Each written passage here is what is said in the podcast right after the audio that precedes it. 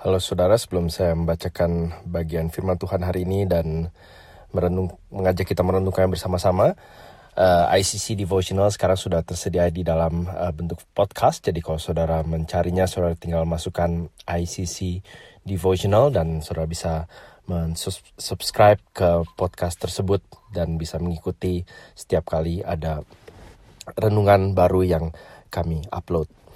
Bacaan hari ini dari Ibrani pasal 12 ayat ke-14. Berusahalah hidup damai dengan semua orang dan kejarlah kekudusan, sebab tanpa kekudusan tidak seorang pun akan melihat Tuhan. Mari kita berdoa. Bapa dalam surga, ini adalah salah satu dari sekian ayat yang sering kali menantang kami untuk melihat lebih dalam lagi akan natur dan tujuan keselamatan yang kau berikan kepada kami. Jadi tolong kami untuk dapat bijaksana dalam percaya bersandar dan mentaati firman-Mu. Di mana Tuhan Yesus kami berdoa. Amin. Saudara kemarin kita sudah melihat bahwa ada hubungan yang sangat erat antara bagaimana Allah membenarkan kita hanya melalui iman kepada Kristus dengan bagaimana Allah membenarkan kita melalui bagaimana kita berespon dengan menjalani hidup bagi Kristus. Saudara, hanya Tuhan Allah yang memberikan kita wewenang untuk menjadi anak-anaknya dan warga negara kerajaan surga. Tetapi pada saat yang sama, kita masuk ke dalam kerajaan itu melalui jalan yang bernama perbuatan baik atau kekudusan hidup. Relasi antara iman dan perbuatan kita kita lihat di dalam bacaan hari ini, di mana penulis Ibrani berkata, tanpa kekudusan tidak seorang pun akan melihat Allah.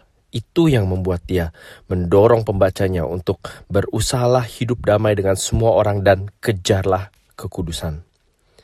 Saudara, ini adalah satu dari sekian banyak ayat di Alkitab yang mengatakan bahwa iman di dalam Kristus selalu disertai dengan perbuatan baik, dengan hidup kudus bagi Kristus. Kedua-duanya, antara iman dan perbuatan, harus ada atau tidak ada keselamatan sama sekali. Pada abad ke-16, beberapa tokoh reformasi gereja seperti Martin Luther dan John Calvin misalnya mengembalikan konsep ini ke dalam gereja.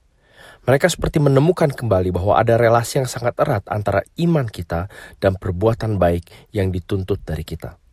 Relasi ini tidak bisa dipisahkan satu dari yang lainnya. Itu sebabnya salah satu perkataan yang muncul dari tulisan-tulisan mereka berbunyi kira-kira seperti demikian. We are justified by faith alone, but not a faith that remains alone. Dengan kata lain, mereka mengatakan bahwa kita dibenarkan hanya melalui iman, tetapi iman itu tidak pernah berdiri pada dirinya sendiri. Saudara, coba saudara bayangkan.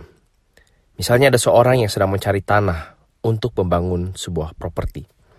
Orang ini akhirnya menemukan tanah di mana di atasnya sudah ada rumah di lokasi yang ia inginkan. Si pemilik rumah ternyata tidak keberatan untuk menjual rumahnya, tetapi agak malu karena kondisi rumahnya sebetulnya cukup buruk. Banyak tempat yang sudah rusak, air merembes di beberapa temboknya, tambalan di sana dan di sini. Pemilik rumah itu berkata kepada si pembeli, Pak, kalau Bapak kasih saya waktu, saya akan coba renovasi rumah saya dulu sebelum Bapak uh, beli dan akhirnya tinggal di sini. Tetapi si pembeli mengatakan, tidak perlu Pak. Saya beli tanah dan rumah ini untuk saya sendiri. Begitu tempat ini menjadi milik saya, saya akan mulai membongkar dan merombaknya sesuai dengan rencana saya. Saudara demikian juga dengan Tuhan Allah. Ia membeli Anda lunas 100% di dalam Kristus. Dan dia membeli Anda bukan hanya untuk merenovasi, bukan hanya untuk tambal sana sini, untuk tambah lantai atas, tambah basement, tetapi sebetulnya rumahnya masih rumah lama yang sama. Dan banyak orang yang memikirkan bahwa hidup Kristen itu seperti itu. Masih ada area yang menjadi milikku, yang menjadi hakku, yang menjadi prioritasku. Dan Tuhan uh, kita beri izin hanya untuk menambal, merenovasi di sana dan di sini. Saudara Allah membeli Anda dengan lunas untuk merombak total seluruh hidup Anda. Baik tanah dan bangunan hidup Anda sekarang masuk kategori under construction, sedang dalam proses pembangunan dan bukti yang paling kelihatan bahwa hidup Anda sedang dirombak oleh Tuhan adalah Anda ikut serta dengan menjalankan hidup yang berkenan pada Tuhan, dengan berbagian dengan misi dan pekerjaan Tuhan di dunia ini. Saudara, pada hari penghakiman nanti, Tuhan Allah akan membuktikan dirinya benar untuk bahwa dia benar dalam menyelamatkan Anda dan saya. Pada hari penghakiman nanti akan, akan dibuktikan bahwa Allah benar karena Kristus telah mati bagi dosa kita sehingga tidak ada lagi hutang dosa yang kita perlu bayar. Keadilan sudah dijalankan, keadilan sudah dipuaskan, murka Allah sudah dialihkan dengan Kristus yang mati dan bangkit bagi kita. Tetapi pada saat yang sama, Allah juga akan dinyatakan benar karena hidup Anda dan saya menunjukkan hidup yang sudah dibenarkan. Kita bertumbuh dalam pengetahuan, kita bertekun dalam perbuatan baik. Kita membiarkan Allah merombak banyak area dari hidup kita yang tidak berkenan kepadanya. Orang lain melihat transformasi cara uh, tutur kata, cara berpikir, cara kita berespon, cara kita mengalami krisis, kritikan, dan masukan, teguran, kekecewaan. Melihat perubahan dari prioritas hidup kita. Nah tentu saudara semuanya tidak sekaligus dan tentu tidak mungkin semuanya sempurna dalam hidup ini. Karena selama hidup ini kita akan selalu berada under construction. Tetapi yang pasti adalah pertumbuhan baik, perbuatan baik, pertumbuhan kita di dalam kekudusan tidak di, menjadikan kita dibenarkan oleh Allah. Perbuatan baik, pertumbuhan kita dalam kekudusan itu perlu untuk menunjukkan bahwa kita sudah dibenarkan oleh Allah. Mari kita berdoa. Bapak kiranya kami boleh semakin berpegang pada apa yang Alkitab ajarkan, bukan pada apa yang kami rasa bisa masuk ke dalam pikiran kami yang terbatas, ke dalam bahkan sistem teologi kami.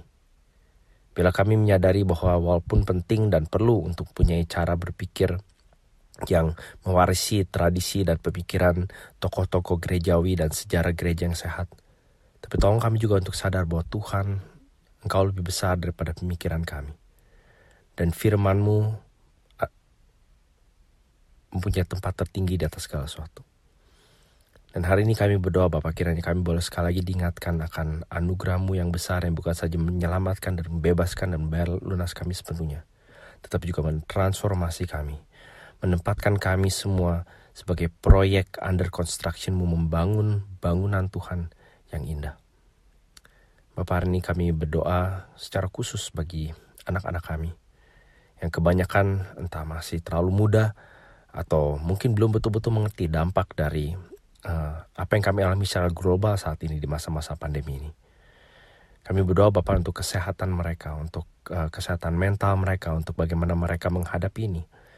Secara khusus mereka yang menghadapinya berjalannya bersama dengan kami. Kami menyadari tidak semua dan tidak setiap keluarga dan pasangan selalu ada dalam situasi yang rukun, yang akur, yang setuju dan sepakat satu sama lain. Dan kami sangat menyadari bahwa masa-masa pandemi ini mudah sekali untuk meningkatkan, melipat gandakan tekanan yang sudah ada. Kami berdoa Bapak kiranya kau berserta dengan anak-anak kami.